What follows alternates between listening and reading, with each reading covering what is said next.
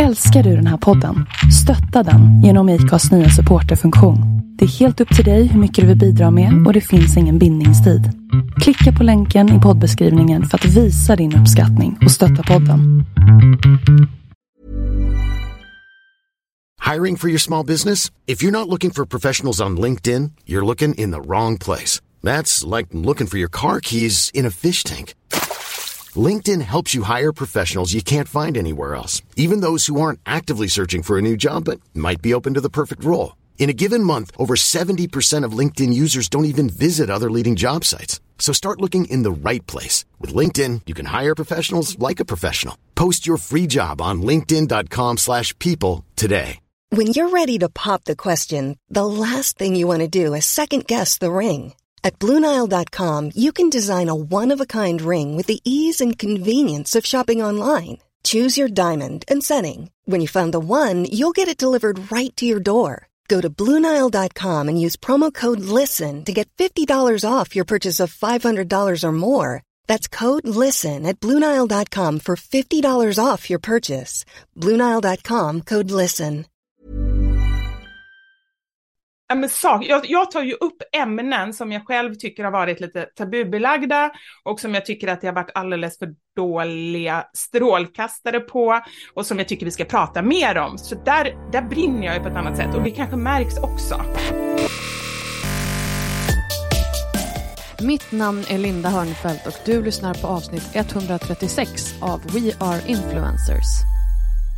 Vivi Wallin är programledaren som blev influencer genom sina relaterbara videos som började på Facebook och sedan fortsatte till TikTok och Instagram. Hennes innehåll älskas av både unga och vuxna då hon jobbar enormt mycket med just relaterbart innehåll.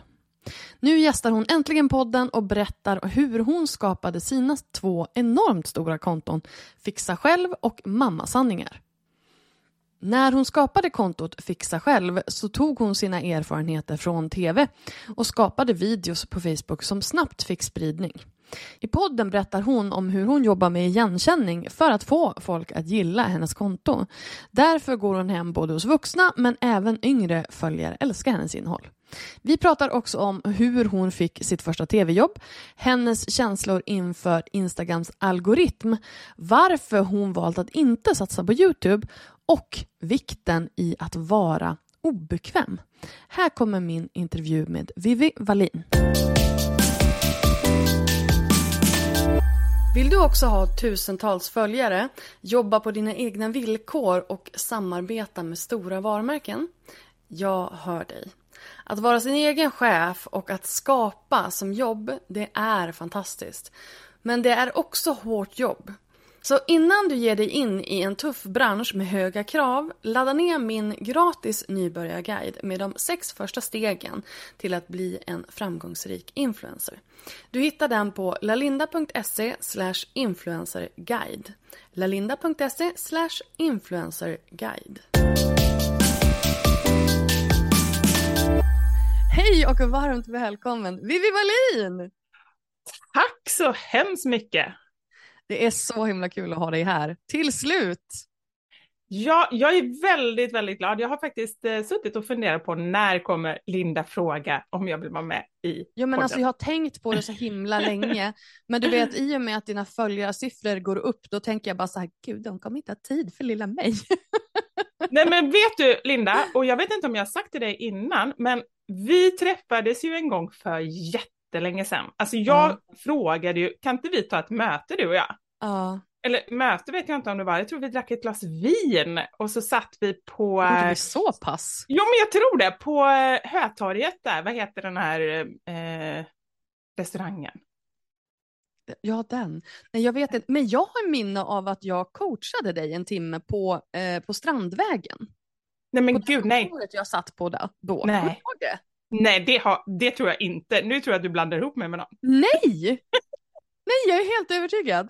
Okej, med tanke på att jag inte ens vet vad jag åt till frukost, du ställde en kontrollfråga till mig, så, så, så tror jag att du har rätt. Men det Och här jag har minns inte vinet, så, vi, så att det kanske liksom, det kanske var någon härlig blandning av de här två.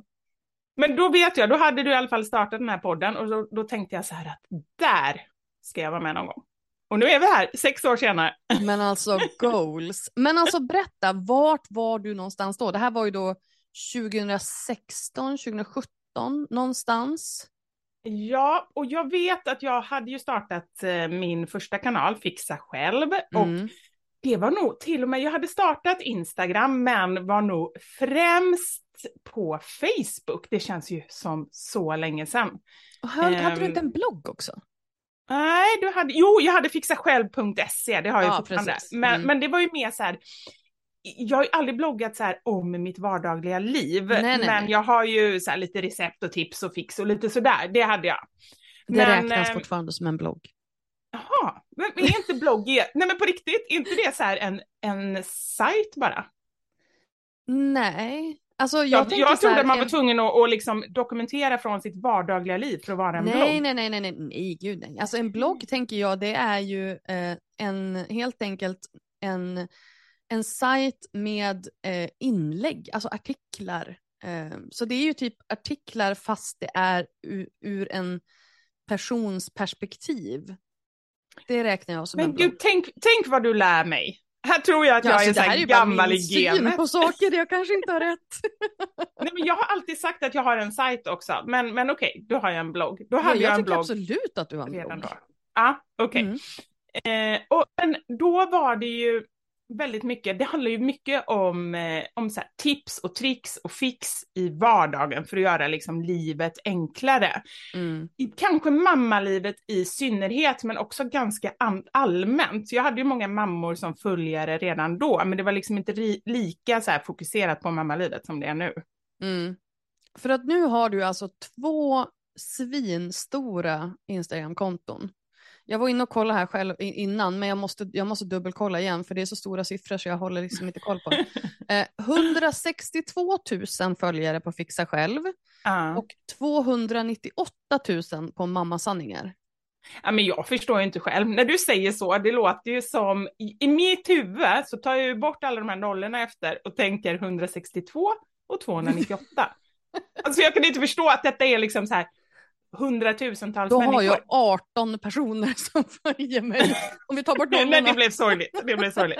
Nej, men det är helt otroligt och jag är så tacksam och, eh, och jag har verkligen jobbat så hårt för det. För det är så lätt, jag vet inte, säkert flera gånger i veckan att folk bara säger, men gud, hur gick det så snabbt för dig och, och det har gått så, eh, dina konton har växt så snabbt och sådär. Och det beror ju såklart på vad man jämför med. Men för mig så ligger det ju jätte, jättemycket tid och energi och engagemang och passion bakom Mm. de här liksom hundratusentals Ja, följarna. det, det tvivlar jag inte en sekund på.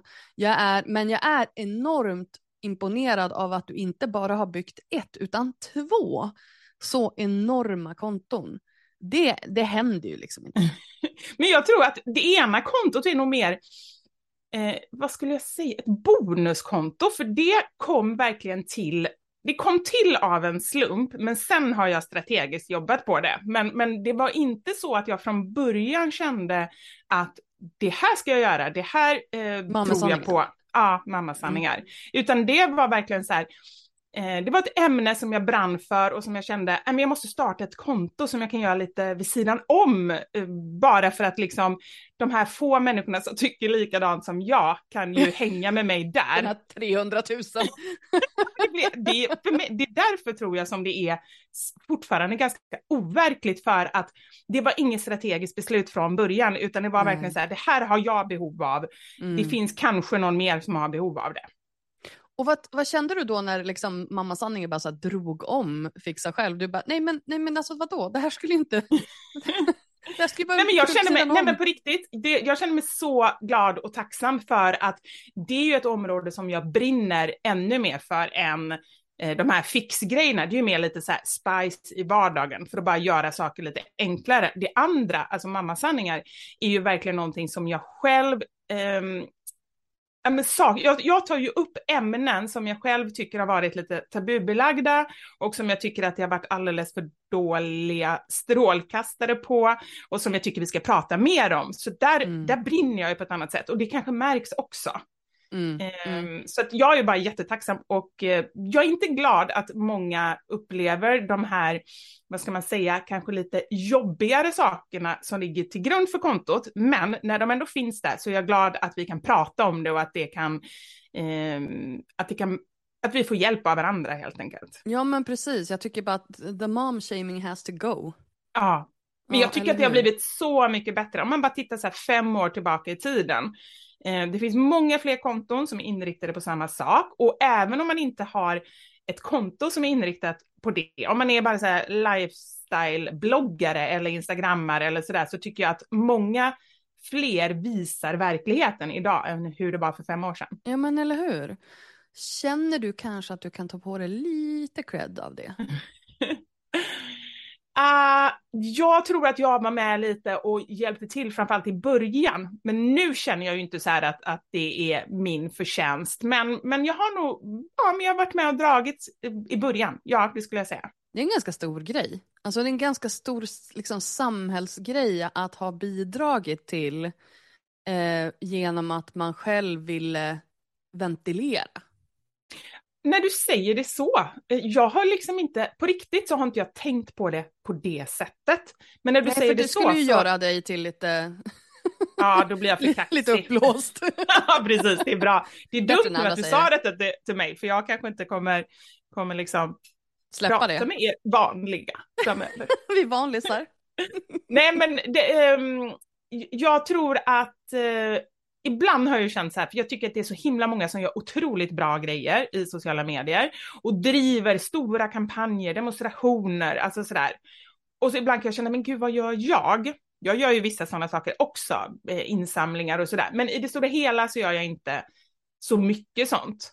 Men, eh, men jag får ofta den typen av kommentarer att ja, men som att min och Karins podd eh, har hjälpt jätte, jättemånga som har skrivit det. De har varit i mm, förlossningsdepression eller bara Mm. mått dåligt, gått in i väggen. Och att, för vi är ju som, vad ska man säga, som mitt konto fast i poddformat. Väldigt Ja. inte knussla teet. Gör det som funkar bäst liksom. Servera nudlar varje dag. Ett tag, det går bra.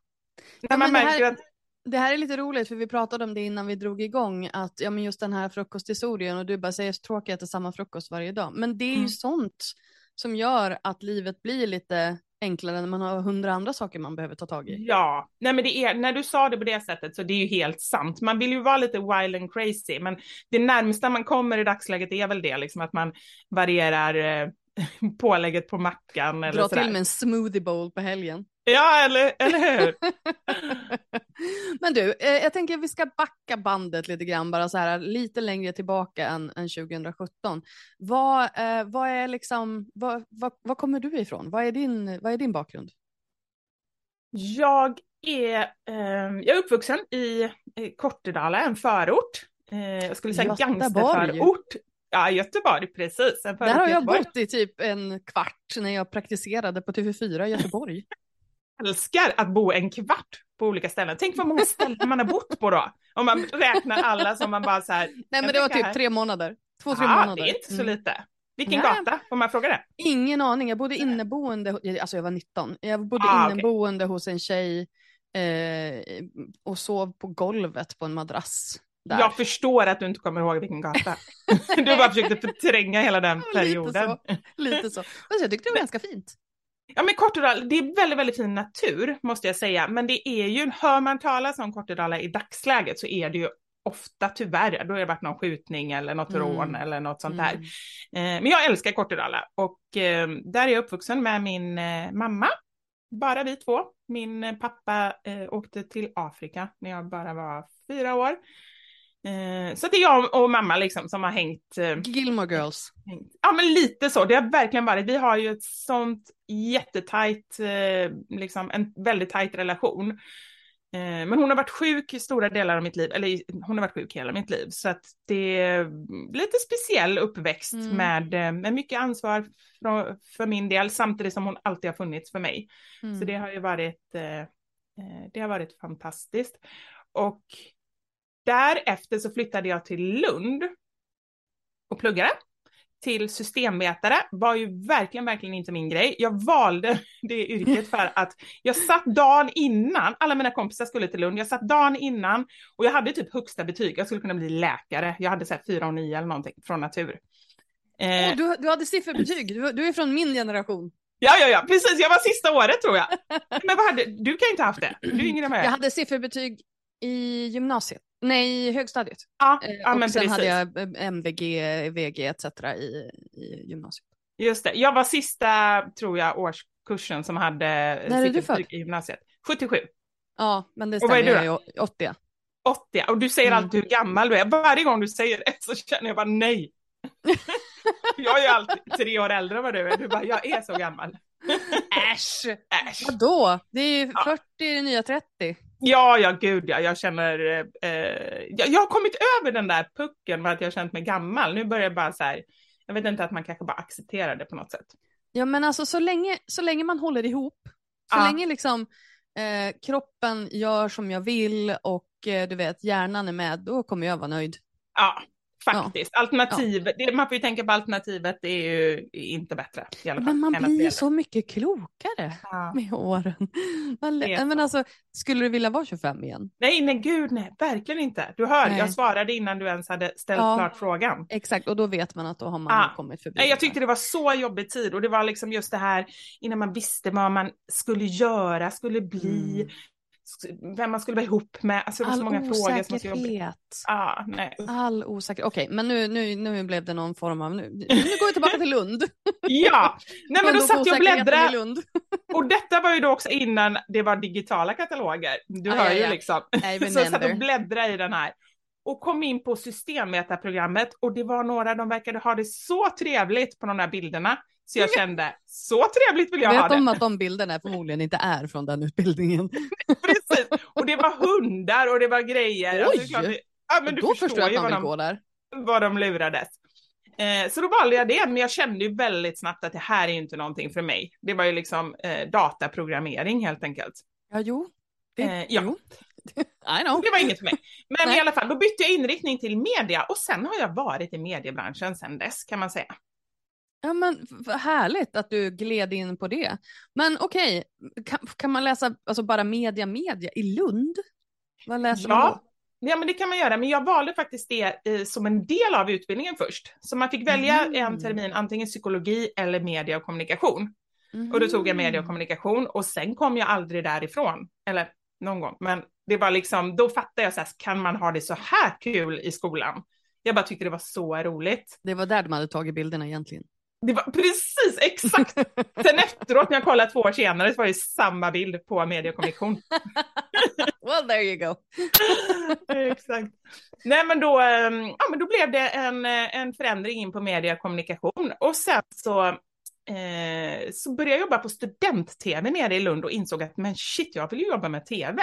Mm. Och sökte den historien är så lång, den kan jag inte ta. Men jag, i alla fall, jag jobbade otroligt målmedvetet för att jag ska börja jobba på tv. Och efter ett och ett halvt år så jobbade jag på ZTV. Alltså jag känner att du hoppade över en väldigt intressant historia. Man tycker aldrig att egna historier är intressanta, fast den här är faktiskt... Eh, jag tycker ändå den säger ganska mycket om det här med att när man väl bestämmer sig för någonting och verkligen vill någonting att då kan man genomföra, då kan man fasken flytta berg. Det, det är det vi gör i den här podden, mm. så att berätta nu. Då berättar jag det. Nej, men jag, jag ehm, kom in på en slump på student-tv, tyckte det var svinroligt, alltså inte konstigt. Vi, jag var ju programledare för natt-tv, vi drack eh, starkcider och eh, eh, liksom eh, hade så här hångelpaneler, alltså du förstår ju varför det var kul. Japp. Men jag tänkte, så här är tv-livet. så då, då tänkte jag, men det kan väl inte vara så himla svårt. Så jag köpte, jag tog, jag hade inte mycket pengar, men jag tog mina sista besparingar och de var svindyr på den tiden. Jag köpte en videokamera som kostade 9999 kronor. Eh, som, som jag spelade in, ja, eller hur? Jag spelade in mig själv och, eh, på sån här VHS. Mm. Eh, och skickade upp till SVT helt enkelt och tänkte nu är det klart. Det tar väl några månader, sen hör de av sig och säger nu kan du komma upp till Stockholm. det är dags. Ja, men jag hade bara varit i Stockholm en gång i hela mitt liv, så att hela grejen är ju väldigt så ja, men naiv. Men samtidigt är det bra ibland att vara naiv, tänker jag. Det känns som början av en film. Ja, men lite så, precis. Ja. Mm.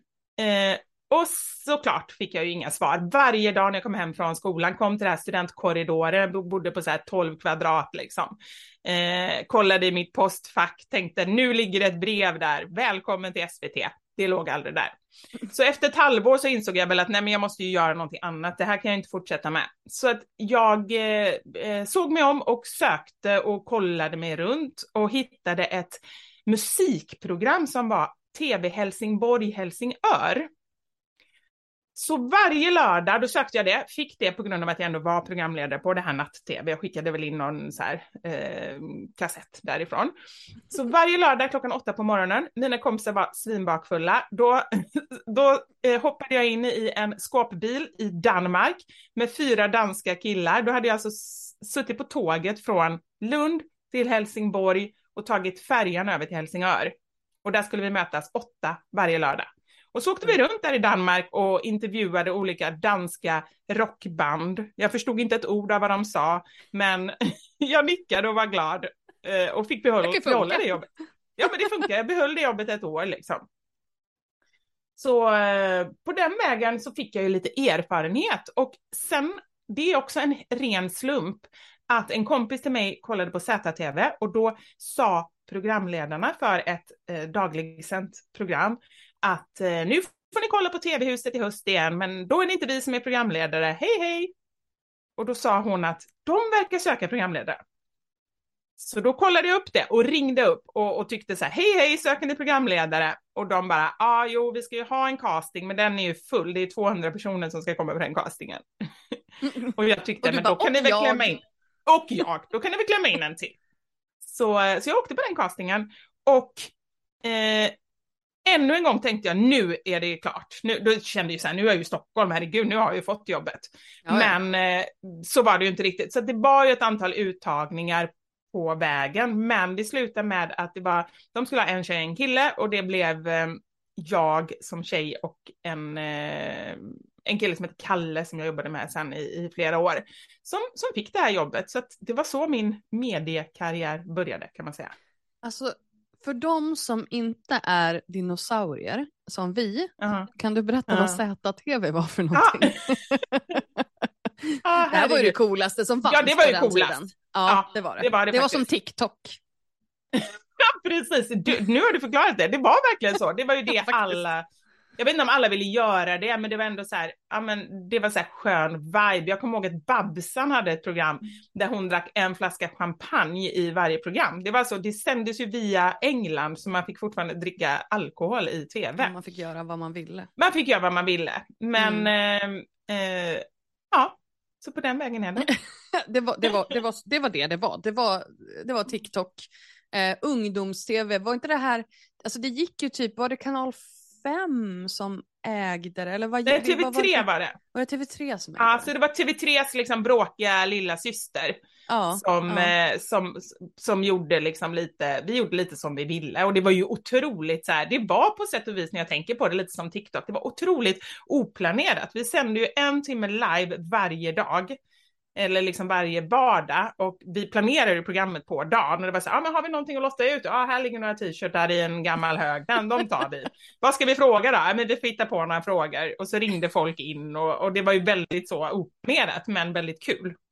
Och sen, för, för sen var ju det, det, den större delen av ZTV var ju musikvideos. Ja, det var det. Det var som MTV, det var som svenska MTV. Precis, och jag mm. gjorde ju ett musikprogram också som hette Toppen, som var just det. Mm. Då var det en topplista, så här nordisk topplista, 20 ja. topplåtarna. Och eh, då var vi faktiskt på Fryshuset och det var ju artister där och, och um, ja, men det var ganska påkostat och väldigt roligt. När var det här? Det, det här måste varit, ja men i början på 2000, 2002 ja. kanske. Någonting. Ja. Och vad hände sen? Eh, sen så, men sen, jag la ner ZTV tänkte jag så här, ZTV slutade ju faktiskt då. Ja, eh, du, du, att, du, du liksom, det var gravöl med, med Vivi. Ja, det var spiken i kistan att jag eh, satte min fot eh, på den kanalen. Så det blev ju ingenting mer. Jag jobbade i tre år tror jag, sen så slutade ZTV. Eh, så gjorde jag lite TV3, lite barnprogram och lite på TV4 Plus som precis hade startat och eh, ja, men jobbade lite med TV räven. där. Mm. Vad sa du? Den gamla räven. Den gamla plus. räven ja. Som blev något annat sen tror jag. Nej, jag vet inte. Blev det sjuan kanske? Ja, det blev det. Sjuan ja. blev det. Eh, men sen så kände jag faktiskt att det var jättekul att jobba med tv, men det var väldigt osäkert och väldigt eh, man jobbar ju via produktionsbolag, så jag jobbade så här, två månader, sen var jag ledig två månader, så jobbade jag två månader. Mm. Eh, och det var otroligt hårda armbågar och jag hade inte det. Jag hade inte det. Jag tror inte jag skulle ha det idag heller, fast nu är jag ändå mycket mer luttrad än vad jag var då. Men, men jag mådde inte bra av det, så jag kände bara att skulle det komma någonting, ja, kanske då gör jag det, men, men annars så liksom inriktar jag mig på något annat inom media, för jag tyckte att det var många grejer som var roliga. Mm. Och vad, vad blev det då? då? Men då gick jag klar min utbildning, för jag hade ju bara så hoppat av den nere i Lund för att jag fick det här jobbet. Så jag gick klar den på Journalisthögskolan i Stockholm, eh, JMK, och eh, sen så jobbade jag med PR helt enkelt. Först med, med på en PR-byrå och sen på en, en hälsoportal så jobbade jag, var ansvarig för det, så här, digitala content. Och det var där och då, för då vet jag, då skickade jag ut mina första nyhetsbrev. Och det var där jag fick kicken av att någon samma sekund, eller typ tre sekunder efter att jag tryckte på sänd, kunde se vad jag hade gjort och gav feedback. Oh. Alltså jag tyckte det var mm. så fantastiskt. För innan mm. dess, det hade ju bara varit liksom tidningar, man har ingen aning, man skriver en artikel och kanske är det någon som reagerar eller kanske får man aldrig någon feedback. Nej. Men jag fick en sån, jag vet, jag kommer ihåg det så väl, att jag bara säger men gud, det här var ju typ det roligaste jag gjort i hela mitt liv. Jag vill bara jobba med den här instant feedbacken. In, instant gratification. Ja men verkligen, och så är det ja, ja. det är bara så kickar man får hela tiden. Ja, det, gud. Och jag tycker ju det, det kanske inte är supersunt men det är ju fantastiskt. Nej, nej sunt är det definitivt inte, men nej, allt det roliga är ju osunt. Ja, det är sant. Jag gick hos en psykolog en gång som bara, nej, hon var någon så här, hon var ju inte psykolog egentligen, hon var kurat, nej vad tusan, eh, terapeut tror jag. Terapeut och... så behöver man ingen utbildning för, utan det kan vem som helst kalla sig. Det fick jag reda på efteråt, för jag gick där i fem år. Men hon sa just det, hon försökte få mig att sluta med allt som så här fick min puls att gå upp.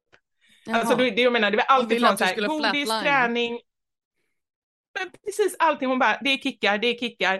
Eh, så det var några tråkiga år, men eh, det lät de jag som... nu. sen du bara, eh, sen så gick du on a bender. Ja, precis. Efter det.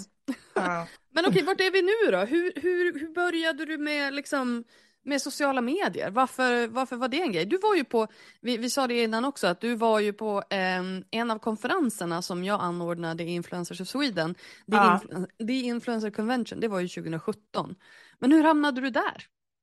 Ja, men då, eh, då hade jag jobbat med content marketing, alltså gjort innehåll, gjort native artiklar som för de som inte vet är eh, artiklar som ser ut som plattformen eller tidningen som de ligger på.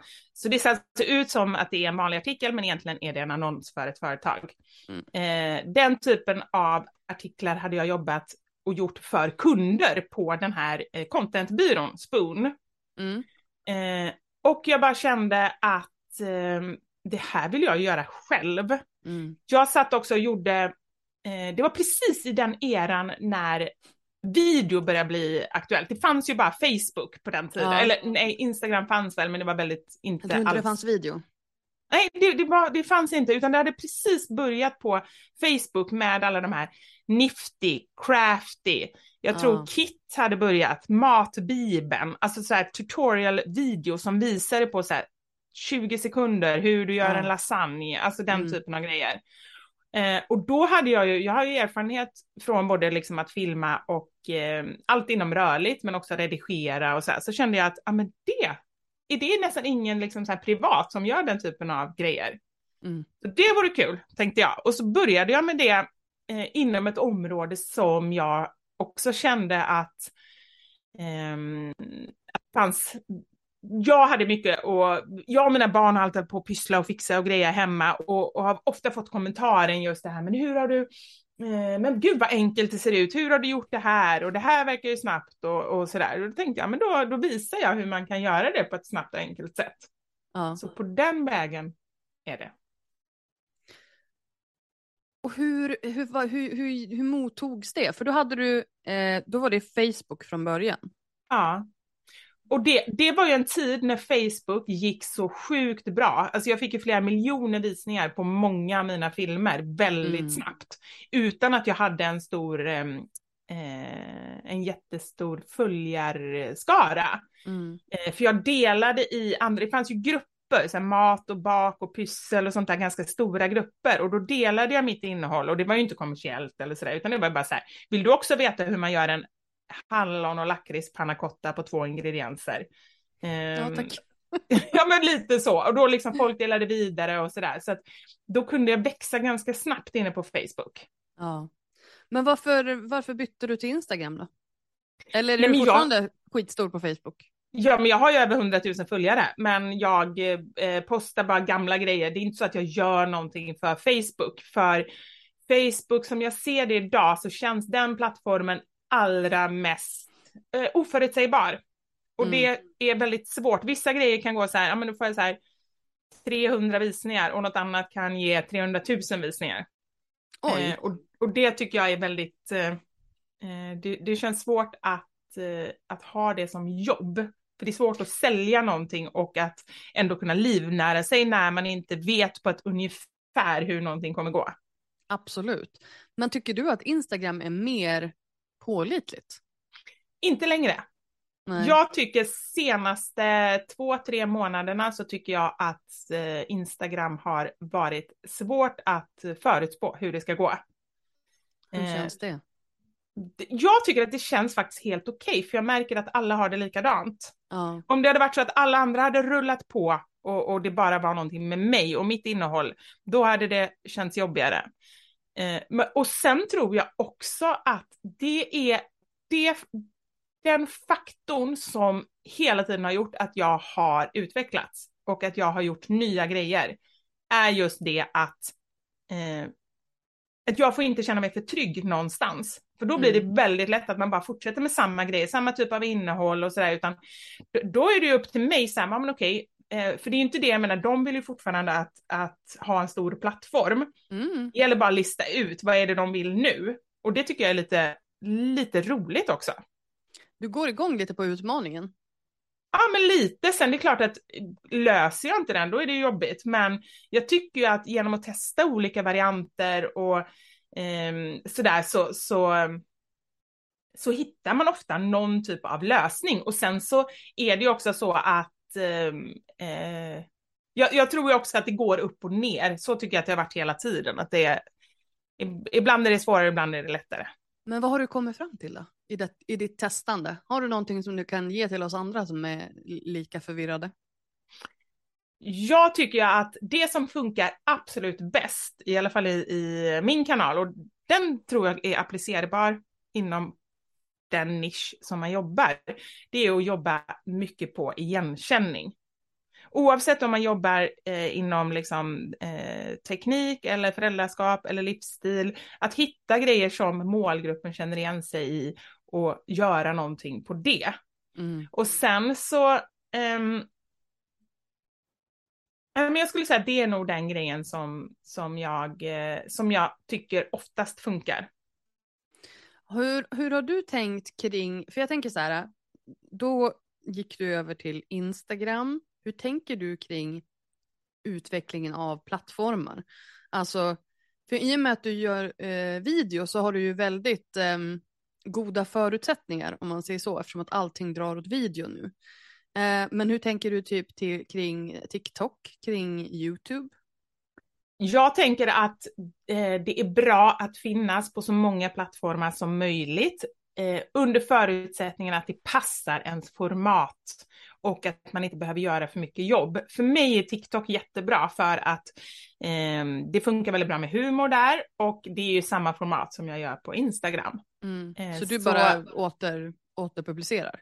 Ja, jag har lite annan, annan caption ofta på TikTok. Ja. Men det som var spännande, för jag började posta på TikTok för jag kände att det här kostar mig så lite och så ser vi vad som händer. Mm. Och eh, eftersom alla liksom pratar om TikTok och jag känner bara så här, jag vill i alla fall lära känna plattformen så jag vet vad jag pratar om.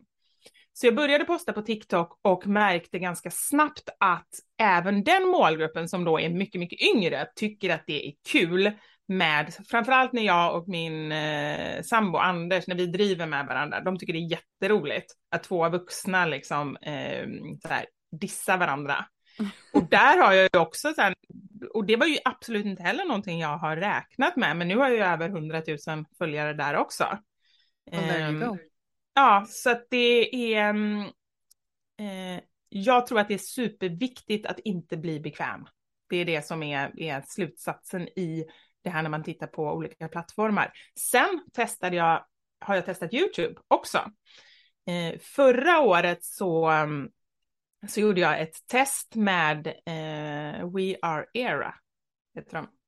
Heter Före det. detta United Screens. Precis, som hade fått i uppdrag av YouTube att eh, de ville satsa på eh, en äldre målgrupp, en äldre kvinnlig målgrupp, alltså typ mammor, min målgrupp. Mm. Så vi var ett antal som fick eh, testa helt enkelt, fick hjälp att komma igång på YouTube. Mhm. Och det tänkte jag här, men shit vad roligt. Men jag insåg ganska snabbt, eller från början, jag var otroligt skeptisk själv, för jag tittar jättelite på YouTube. Det enda jag tittar är så här, om det är så att jag ska baka kanelbullar och jag inte vet hur jag ska snurra bullarna. Då liksom så här, zoomar jag in precis det, kollar det liksom. Det är då jag kollar på YouTube. Du är ingen prenumerant.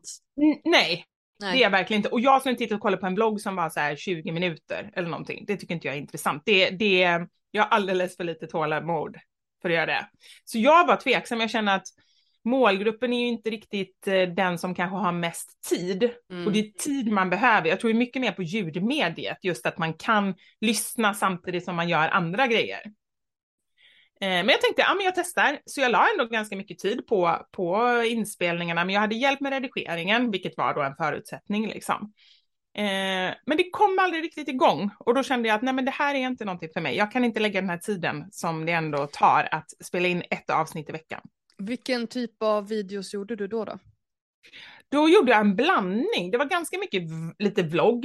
Eh, så här liksom, jag besöker mamma och rensar ut hennes garderob. Alltså du vet Mm. den typen av grejer.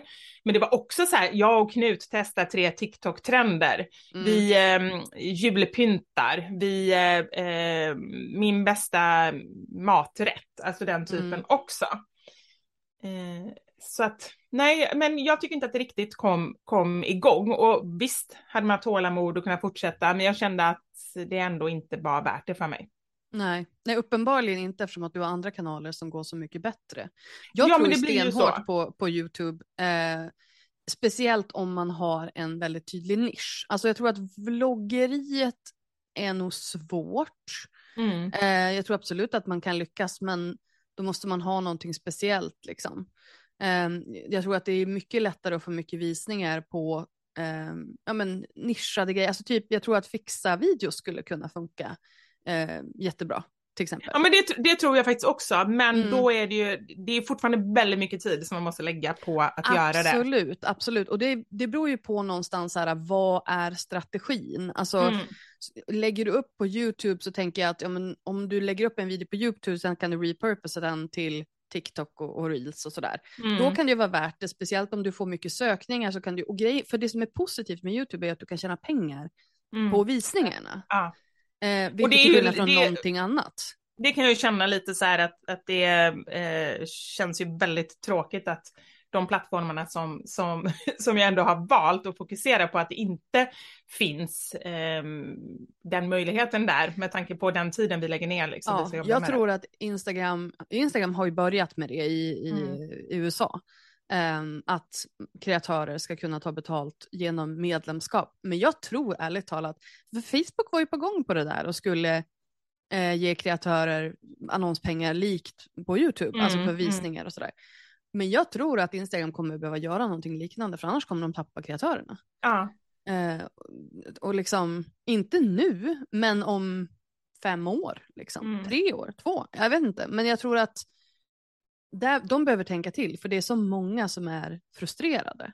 Men jag, jag läste Svenskarna och internet här som kom i, förra veckan. Mm. Eh, och där kom det ju fram att hälften av de som finns på plattformen, alltså på Instagram, producerar också. Så att det är alltså hälften av de som konsumerar producerar också, vilket liksom, det, blir, det är klart att det blir sjukt mycket innehåll. Mm. Och vad räknar de med, med producera? Är det bara liksom när man lägger upp en video oavsett vad det handlar om eller är det att Det är ju självskattning, alltså de som har svarat har ju svarat på frågan så här, men lägger du också upp innehåll? Ja, just det. Liksom Mm. så här, exakt vad de gör, utan Mm. de har ju liksom fått svara själva, så det är oklart. Mm. Ehm, men så det kan ju vara att de lägger upp en bild i veckan, jag har ingen aning. Men det är fortfarande väldigt mycket Mm. med tanke på, om jag bara tittar på min egen konsumtion så har ju min konsumtion gått över mycket till TikTok. För att det är roligare Mm. att titta på TikTok än att titta Men på Instagram. använder du det, alltså j- jobbar du med det? Delar du eh, eh, material på TikTok? Ja, det, ja nej, nej. inte, inte på ett bra Kul att jag ändå ser din, ditt ansiktsuttryck när du sa det där. ja. Alltså inte på ett eh, strategiskt genomtänkt bra sätt. Min TikTok är liksom all over the place just nu. Jag testar Mm. loss. Eh, och ser Alltså vad jag som, tänker, jag följer ju, jag skulle säga att jag följer tre typer av, av konton på TikTok. Eh, det ena är den typen av konto som jag själv har, liksom eh, mammahumor. Mm. Sen en del så här mat eh, och tutorial-grejer. Och sen så Mm. följer jag ju eh, strategiska konton för hur man växer i sociala medier. Okej, jag ska gå in och kolla vilka du följer. Med andra Ja, men gör det, för jag Ja. tycker att eh, det är väldigt bra och eh, jag saknar lite någon svensk som gör det. Det kanske finns många, men inte jättemånga. Nej, men jag tror inte att det finns det heller. Jag har bara inte hittat formatet. Jag är så Nej. obekväm. För att jag Ah, tycker inte, jag känner, jag vet inte om jag bara inte känner mig tillräckligt cool. eller tillräckligt, jag. Ah, Någonting det måste är du lämna. Som, ja, jag vet. Jag, men jag, vet jag, jag har inte hittat, I haven't found my groove. Nej, men jag Ehm, så att jag måste liksom landa i det. För att jag, jag gillar plattformen, jag gillar ju den typen av videos som andra gör. Men jag har liksom Mm. inte, du vet när jag tänker att jag ska, nu ska jag göra en TikTok-video, så bara vad ska jag prata om, vad ska jag prata om? Det bara, det bara empty. Men, men Eh. vet du, jag kan känna ibland så här, och, och jag, jag vet inte vad jag väntar på. Jag kanske väntar på eh, bättre tider eller att jag bara ska... intervention. Ja men någonting, men, men grejen är att jag, det jag inser med TikTok som jag inte tycker funkar på Instagram med reels och så här, det är ju att man verkligen bara kan sitta rakt upp och ner och bara säga någonting. Man kan säga Ja. så här, tre anledningar till att och hitta på exakt vad som helst. Exakt. Eh, och så kan det bli superviralt om man liksom så här, folk tycker till och folk eh, har åsikter. Och det Ja. är ju en möjlighet som jag inte tycker att någon annan plattform ger i dagsläget. Sen tror jag att jag blev lite skraj också, för jag la upp en video där jag pratade politik. Eh, eller så här, ja precis, big mistake. Nej men eh, det var egentligen så pratade jag inte politik utan jag pratade om ett demokratiskt problem. Mm, Att ett parti i Övik, där jag bor då, mm, hade bara fem personer på listan. Och Mm. det var så pass många mandat som de har nu, eller som Mm. de hade förut. Och sen fick de ett till efter valet, vilket Mm. betyder att det är en tom stol. Det är en vaskad mm. röst liksom. Ja, jag Eh, fattar, jag fattar. Ja. Det var det jag pratade om, men det Mm. gällde Sverigedemokraterna, så då liksom hallå hej hela svansen, typ. Ja, jag Eh, fattar. Och den har nu nästan 100 000 visningar. Mm. Eh, och, och, och inklusive då allt som kommer med det. Mm. Eh, vilket gjorde att jag så här, "Åh, jag vet inte om jag vill, jag vill inte ner i det här liksom. Nej, men jag förstår. Och, och, men det, det är ju så här, jag tänker lite med Twitter och sådär, att det är lite Ja. vad... Det Håll kan, borta bli, från politiken. nej, men det kan bli väldigt hårt, men, men man får Men var- välja liksom Men områden. faktiskt inga, eh, faktiskt inga ehm, personangrepp. Nej, Det var mest, det var mest så här, eh, du, oj du är centerpartist, stackars dig, Mm. typ så här, man måste vara dum i huvudet för att vara centerpartist. Typ så, men inte på mig, mig. nej. Så. Ja, men Eh, det är vilket också, det är ju, det är ju skillnad. Men jag, eh, annars så tycker jag så här, TikTok, när jag började med TikTok, det, så tyckte jag kommentarerna, jag var van vid min fantastiska liksom, målgrupp på Instagram där det är så mycket kärlek. Eller jag är hur? bortskämd med hur bra jag har det där. Jag med. Ehm, och så TikTok där det var mycket hårdare och jag blev inte rädd för min skull, men jag bara kände så här, shit, det är ju här våra barn är. Det är, Exakt. här, det är det här de får. Ja. Det var så mycket elaka kommentarer som verkligen var så här personangrepp. Det var ju så här, men vad gör du här din gamla tant? Eh, vilket är helt okej okay för mig. Men ja, då tänker ja, jag, vad skriver de då till, till, till barnen? Ja. Ja, de skriver förhoppningsvis inte vad gör du här din gamla tant i alla fall. Precis, det kan man vara glad för i alla fall. Um, vad, säger, uh, vad säger annonsörerna? Uh, jag tänker främst kring läget på Instagram. Hittills har inte jag märkt så mycket. Jag upplever, jag tror att jag är mer stressad kring eh, visningar och engagemang än vad det känns som att annonsörerna är. Det känns som att de faktiskt är mest ute efter, eh, efter innehållet. Att är de nöjda med innehållet, att de tycker att jag har fått fram deras produkt eller tjänst på ett bra sätt, så är de nöjda. Och de, de kan ju alltid köpa räckvidd om det skulle vara så att de vill det. Precis, men jag tänker, har, eh, får de också då innehållet? Har du liksom, är det som en del av dealen när man jobbar med dig, att man, då får man också, så att de får använda det i sina kanaler tänker jag, det du gör? Ja, använda mm. sina kanaler får de göra, men eh, vill de eh, köpa räckvidd, alltså göra annonser på det, så, så tar jag ett arvode för det. Mm. Men det är ju, alltså jag, jag gillar ju att det börjar verkligen så kristallisera ut sig nu, ah. den här typen av grejer, att som du säger, att så här, ja, men ska de lägga pengar på det då kostar det extra. Mm. För det är ju inte en grej som har varit självklart tidigare. Nej, så är det nog. Och jag känner ju där att, att, eh, men det har väl också med tiden som man har jobbat och antalet, om man säger nöjda kunder. För jag har väldigt mycket återkommande kunder och um, jag har en otroligt bra dialog med många av dem som jag jobbar med. Så det är verkligen så här, eh, jag kanske går över gränsen, men jag så här, skickar hjärtemojis och bara trevlig helg, kram, liksom.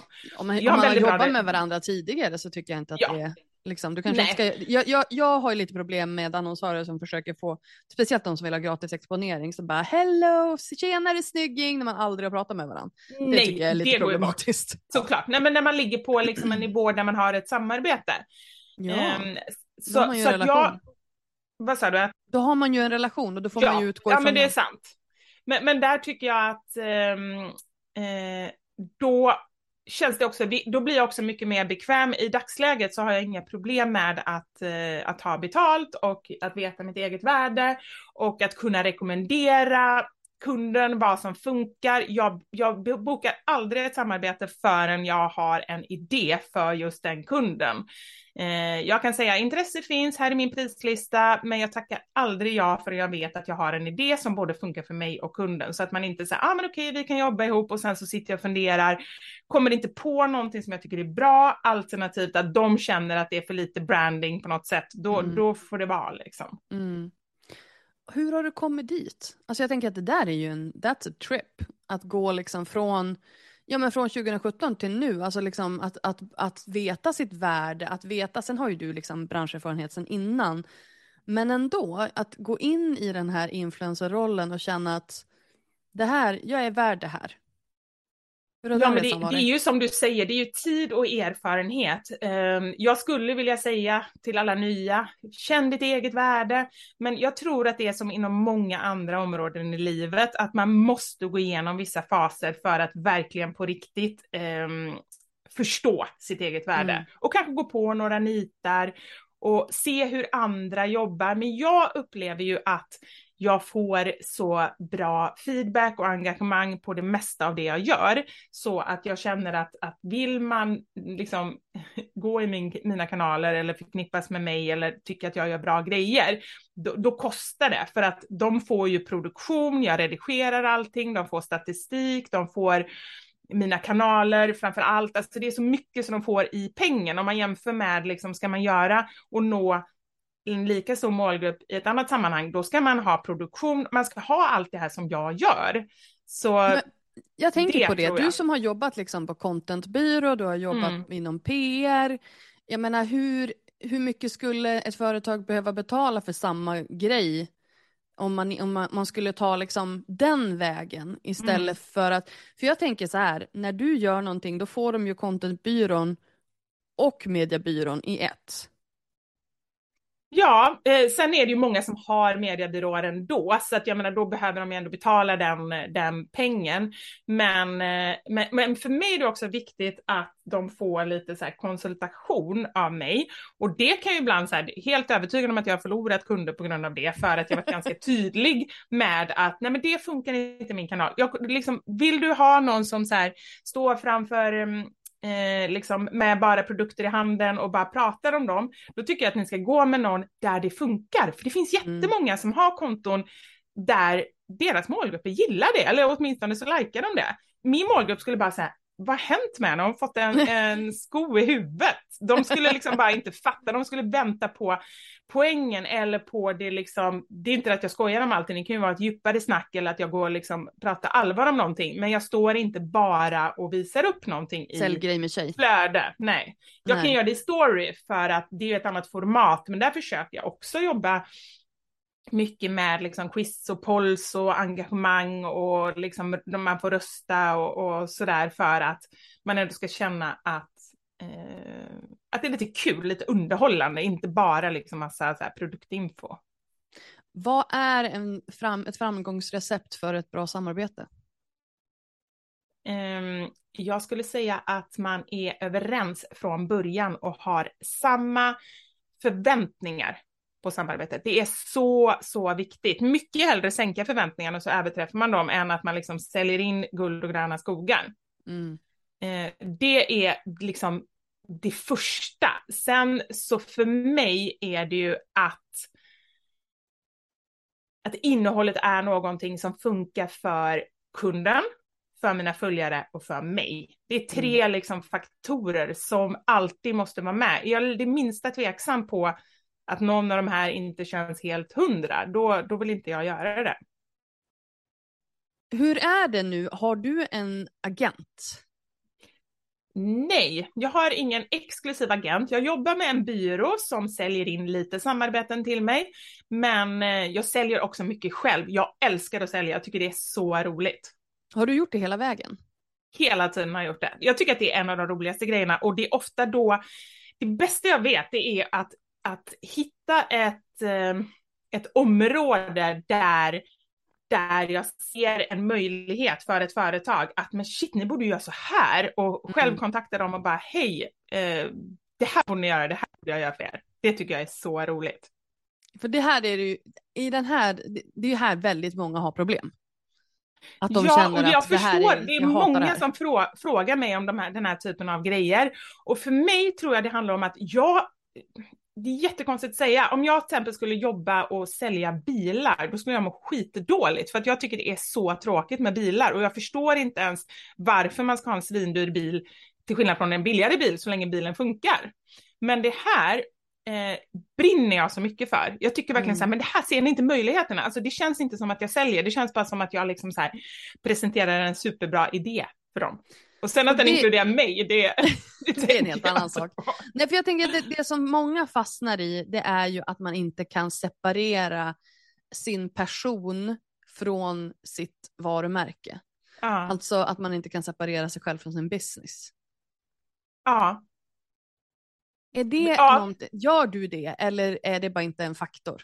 Nej, det är inte en faktor. Jag tänker inte ens på att det skulle kunna vara ett problem, utan jag vill bara så här, jag utgår så mycket från kunden och det som jag kan göra för dem, att jag knappt tänker på att det är liksom sälj, men det är klart att det är det. Mm. Kanske beroende mm. på att jag jobbat på byrå innan, att det liksom, för då har jag ju inte sålt mig själv på samma sätt. Men sen känner jag också så här att, att jag tycker att jag kan erbjuda väldigt många bra grejer, så, så eh, det gör väl kanske lite att, att jag, jag inte skäms, utan jag tycker verkligen att, att jag kan göra någonting bra för dem. Och jag tror att det är just det, att, att liksom våga kliva in i det där och faktiskt så här, äga att men vet du, jag är faktiskt jävligt bra på det här. Och jag ja. behöver inte be om ursäkt för det, utan, och jag, därför ska jag ha de här pengarna för det. Ja. Men, men det där är ju, alltså, kan man lära sig det eller är det bara så här, livet måste bara gå sin gilla gång? Jag tror ju på att man kan lära sig i stort sett allt. Man kan jobba på alla faktorer och detta är ju någonting man verkligen kan jobba på, men kanske inte att det är så här nu jobb, om man inte har det i sig eller att man inte har kommit så pass långt liksom mentalt, då kanske det är svårt att bara lära sig. Utan jag tror att på flera faktorer. Mm. Tiden till exempel är ju en grej. Jag, jag var inte sån här när jag var 20-25.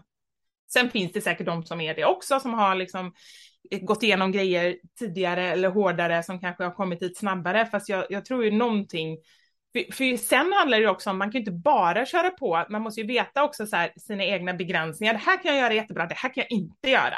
Alltså mm. Alltså förstå lite så att man inte bara säljer in något som man inte kan leva upp till sen. Lova guld och gröna skogar som man inte kan hålla. Eh, och sen också, nu jag känner det själv när jag sitter och pratar, jag låter jättekaxig, men, men det är viktigt att vara ödmjuk i processen. Så att, så att liksom... Det ena utesluter inte det andra tycker jag. Nej, nej men precis. Men, men, ödmjuk just att, att liksom inse och, och känna av och, eh, och kanske se sig själv, det tycker jag är bra, att se sig själv som ett team med kunden. Att mm. vi ska göra det här ihop och vi kommer mm. inte lyckas med alla grejer, men då lär vi oss under tiden. Mm. Det tycker jag är en, eh, en bra grej som jag tycker ger, ofta ger väldigt bra gehör. Får jag fråga så här, hur eh, balanserar du mammasanningar och fixa själv Finns det liksom, är det två helt olika strategier? Går de ihop på något vis? Hur, liksom, och hur håller du isär dem? För jag tänker så här, i, i det stora hela så är det två, för i och med att det är två helt olika ämnen också, mm. så är det ju som två helt olika businessar. Just det. Så. Hur, mm. hur tänker du där mellan de två? Nej, men jag, lägger, jag lägger absolut mest tid på mammasanningar och mycket är ju story, för det är där som jag ändå så här, ja, mer visar upp mitt liv. Eh, på Fixa själv har jag ju valt medvetet eh, att, att liksom, där kör jag mina tips och fix och visst, jag kan vara med ibland, men, men det blir inte så här, ja nu är vi på Gröna Lund idag, eller Eh, idag har vi en, eh, bakar vi kanelbullar. Eller jo, det skulle nog kunna vara på fixa själv. Fast nästan allt som har med mitt liv lägger jag på mammasanningar. Eh, och sen så eh, har jag en halvtidsanställd som, eh, som gör en del content åt mig. Som, eh, då är det ju mest liksom olika fix till fixa själv. Mammasanningar är så liksom baserat på mig så det är svårt att lägga mm. ut grejer på henne. Men spännande med anställd. Vad, är det en contentperson då? Hur tänkte du när du skulle anställa? Vad, för det är, ett, det är ett stort steg. Ja, det är ett stort steg. Hon har varit anställd hos mig eh, på halvtid och i en, en period på heltid, typ fyra år. Så jättelänge. Eh, jag hittade henne på eh, med, nu måste jag tänka, Medieinstitutet. Ja. Ja, det eh, finns något som heter så. ja, ja, men det var Medieinstitutet. Eh, för jag har haft väldigt mycket praktikanter från Medieinstitutet när jag har jobbat på byrå och jag tycker mm. att det är en otroligt bra skola och de har mycket praktik och eh, bra människor. Mm. Som verkligen så här, det är en, en um, yrkesskola där man faktiskt är handfast. Jag som själv har gått universitetet där det bara var liksom teori. Jag kom ut och skulle mm. jobba på PR-byrå och hade ingen aning om hur man skriver ett pressmeddelande. Vi fick inte lära oss någonting liksom handfast. Vi fick lära oss så här, genusvetenskap 10 poäng. Eh, ja. Vilket säkert var bra, men, men ingenting som... Det kommer inget pressmeddelande ur det. Nej, eh, precis. så, jag tycker den skolan är otroligt bra, så jag har använt mig av mycket praktikanter. Så jag var där och, och på någon sån här, de hade något eh, mingel där eleverna visade upp eh, något arbete som de hade gjort bara för att hitta någon som kunde jobba med mig. Först tänkte jag praktikant och sen tänkte jag anställd. Och mm. eh, då hittade jag Anna som jag bara kände med en gång. Hon var i en grupp, de hade gjort någon reklam för eh, en fiktiv reklam för bananer. Hon hade gjort något eget receptblad med så här receptkod, eller förlåt, eh, banankola och mm, olika grejer som jag kände så här, det här är så fixa själv, plus att hon var superduktig på att fotografera. Mm. Så då hookade jag upp henne där och så började vi jobba ihop. Och på den vägen är det. Men det är ju coolt att, att våga ta det steget så tidigt också. För jag menar, det, det är ju en... Det är inte många som har, som har vågat göra det och inte så tidigt. Nej, men så är det nog. Men, men eh, jag eftersom hon var praktikant hos mig från början, då lärde vi känna varandra, kan vi jobba ihop? Och för mig är det superviktigt att jobba med någon som själv är självständig, för jag är så, så här, mm. när jag gör grejer, jag är så inne i det. Jag kan inte ha någon som hela tiden frågar mig så här, vad ska jag göra, ska jag göra det, ska jag göra det? Nej, Utan nej. man kommer överens om grejer och sen driver de sitt. Ja. Och jag driver mitt och man har förtroende för varandra. Eh, men jag är jätteglad för det och jag skulle egentligen behöva fler anställda för att jag, eh, jag bara kör och jag känner att mycket som är eh, administrativt eh, hinner jag liksom inte med. Du kanske ska ha en virtuell assistent? Vad är det? Finns det är en assistent som, som, ja men många gör ju mycket olika saker, men eh, eh, som kanske kan göra administrativa saker, men virtuella, att de inte är lokalt. Utan att de är på jag distans. trodde du menade att det var en robot. jag bara, gud ja, vad är det den här? Har jag, den har jag ju faktiskt hört många gånger förut. Men nej, bara det att eh, Caroline är eh, very real, men hon, hon eh, bor inte här. Jaha, du har en virtuell assistent? Mm. Ja, jag har ett team på fyra personer nu, men de jobbar ju bara, de är konsulter allihopa. Men hallå, eh, det här måste vi prata mer om. Kanske inte mm. i podden, men det här vill jag verkligen veta mer om. För det, Absolut. det, det jag, det, för jag orkar inte ha någon som sitter hemma i mitt kök när min diskmaskin går. Liksom. Jag vill så här, eh, ni som inte då är med på mitt och Vibbes eftersnack kan lyssna på Vad fan håller jag på med? Som är en podcast som jag och Alexandra Bylund har, där jag pratar väldigt mycket om mitt entreprenörskap, ifall man är sugen. Ah, bra! Det, där ska jag gå in och lyssna. Kan ja, inte jag få ja, du, vi kan ju prata lite grann efter podden också, men jag tänker att alla bara, hallå vi då? ja, men bra nej men jag älskar ju det faktiskt med dig och den här podden överhuvudtaget. Jag har lyssnat på alla avsnitt i stort sett och har lärt mig jättemycket för att det är så kul att höra folk inom samma bransch. Man är ju så ensam i den här branschen. Ja eh, hur de tänker och även det spelar ingen roll egentligen vilken nisch eller vilken plattform de kör eller om de är stora eller små. Det är alltid så här att man får, eller jag får det så här aha-upplevelse, bara men så kanske man ska göra. Ja men eller hur, just den här behind the scenes grejen som man väldigt sällan får från andra, ja. an, andra i samma, samma bransch. Men på tal om podd, berätta mm. om din och Karins podd. Ja, den är ju liksom, åh vad jag älskar den. Den är verkligen min ventil i vardagen och liksom det närmsta kollega, förutom min hund Kjell, som, som jag kommer. Kjell, så bra hundnamn. Eller hur är det bra? Alltså när vi kom på det, bara, Men berätta, här... berätta, du måste liksom dra pitchen för podden här. Ah, For the people som inte vet Kjell. vad det är. Nej, inte om Kjell. Nej, men det är verkligen som, om man följer mitt konto Mammasanningar så är det som Mammasanningar i poddformat. Väldigt ofiltrerat. Det är du och Karin da Silva? Det är jag, Karin da Silva, och vi bara snackar. Vi har ju så här, folk tror ju att vi är gamla kompisar, vi är båda från Göteborg, men så är det inte alls, utan eh, hon jag, jag, fick en massa tips. Så här, du måste starta en podd. Det här är typ fyra, fem år sedan. Och då la jag ut en enkät. Så här, ska jag starta en podd? Liksom. Mm. För jag har ingen aning, jag har aldrig gjort något sånt här överhuvudtaget, eller hade inte gjort det. Och, och då var det jättemånga som bara, ja det är klart att du måste. Och hon hade sett det här och hörde av sig till mig.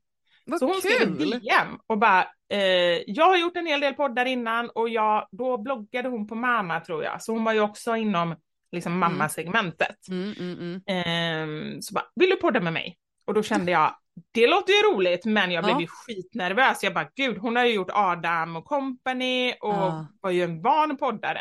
Ja. Och jag hade ju aldrig ens liksom pratat en poddmick. Eh, men så träffades vi. Det löste sig. det löste sig. Ja men precis, prata kan jag göra i alla fall. Men vi träffades på en fika och eh, åt väldigt många bullar och bara där kände jag så här, okej okay, vi har något gemensamt, det här kommer att bli bra. Så på den vägen är det. Så vi har ju lärt känna varandra i podden, vilket gör att våra lyssnare har ju liksom lärt känna oss också. Mm. På den vägen. Det, och det där tycker jag är så spännande, för det där, ja men det är som jag och Alex. Eh, vi, har ju, vi har poddat i sex år nu. Ah. Och, eh, och vi lärde väl också känna varandra, jag tror vi hade träffats kanske två, tre gånger innan vi började podda tillsammans. Ah.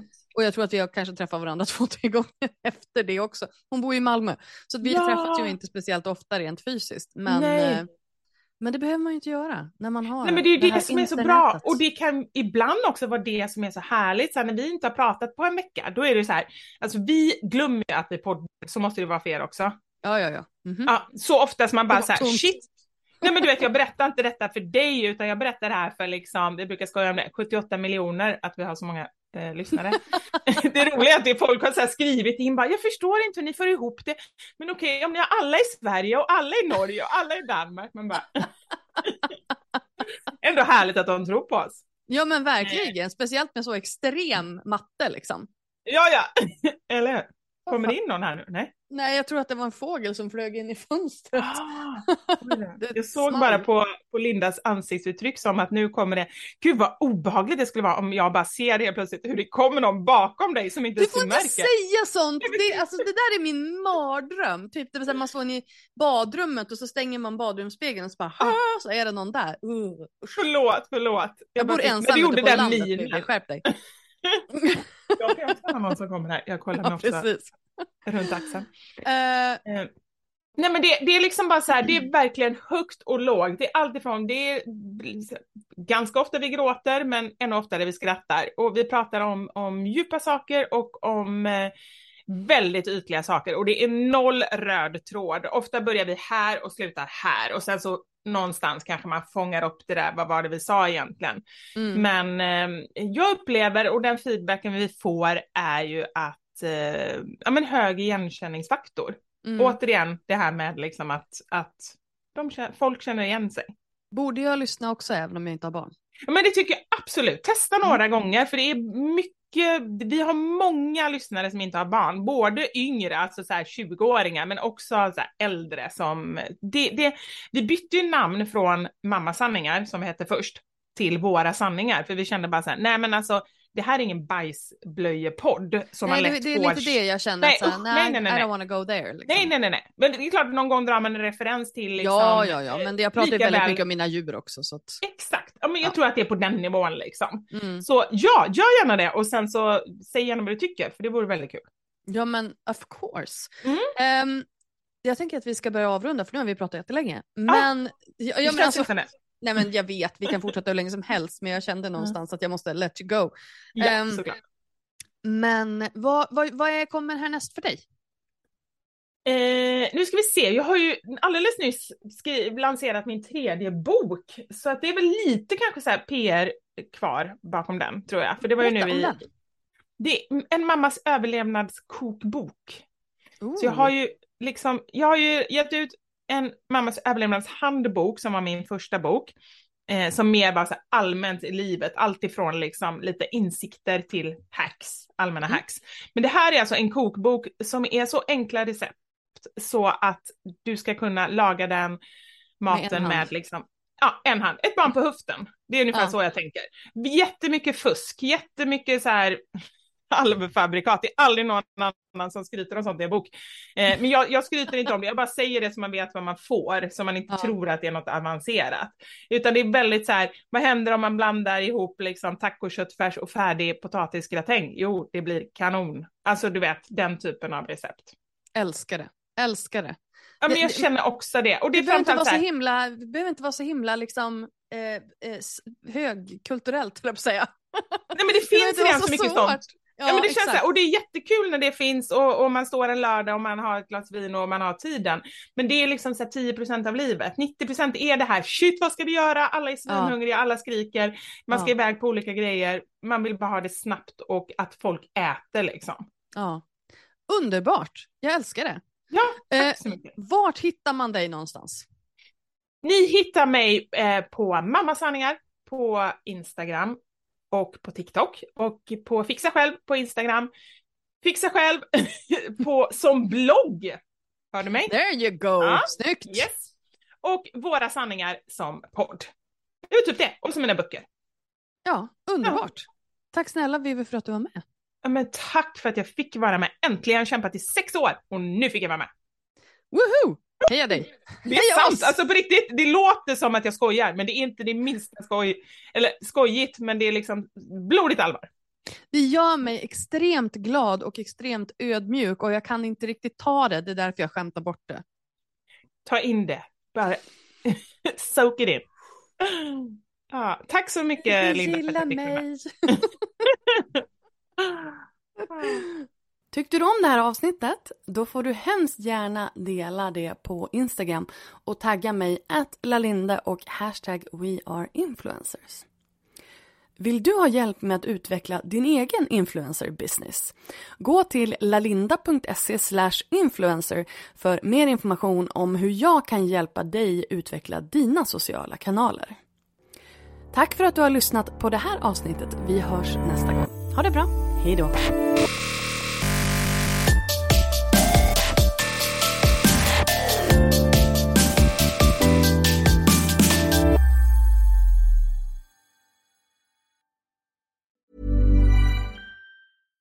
Hi, I'm Daniel, founder of Pretty Litter. Cats and cat owners deserve better than any old fashioned litter. That's why I teamed up with scientists and veterinarians to create Pretty Litter. Its innovative crystal formula has superior odor control and weighs up to 80% less than clay litter. Pretty Litter even monitors health by changing colors to help detect early signs of potential illness. It's the world's smartest kitty litter. Go to prettylitter.com and use code ACAST for 20% off your first order and a free cat toy. Terms and conditions apply. See site for details. Mom deserves the best, and there's no better place to shop for Mother's Day than Whole Foods Market. They're your destination for unbeatable savings, from premium gifts to show-stopping flowers and irresistible desserts. Start by saving 33% with Prime on all body care and candles. Then get a 15-stem bunch of tulips for just $9.99 each with Prime. Round out Mom's menu with festive rosé, irresistible berry chantilly cake, and more special treats. Come celebrate Mother's Day at Whole Foods Market.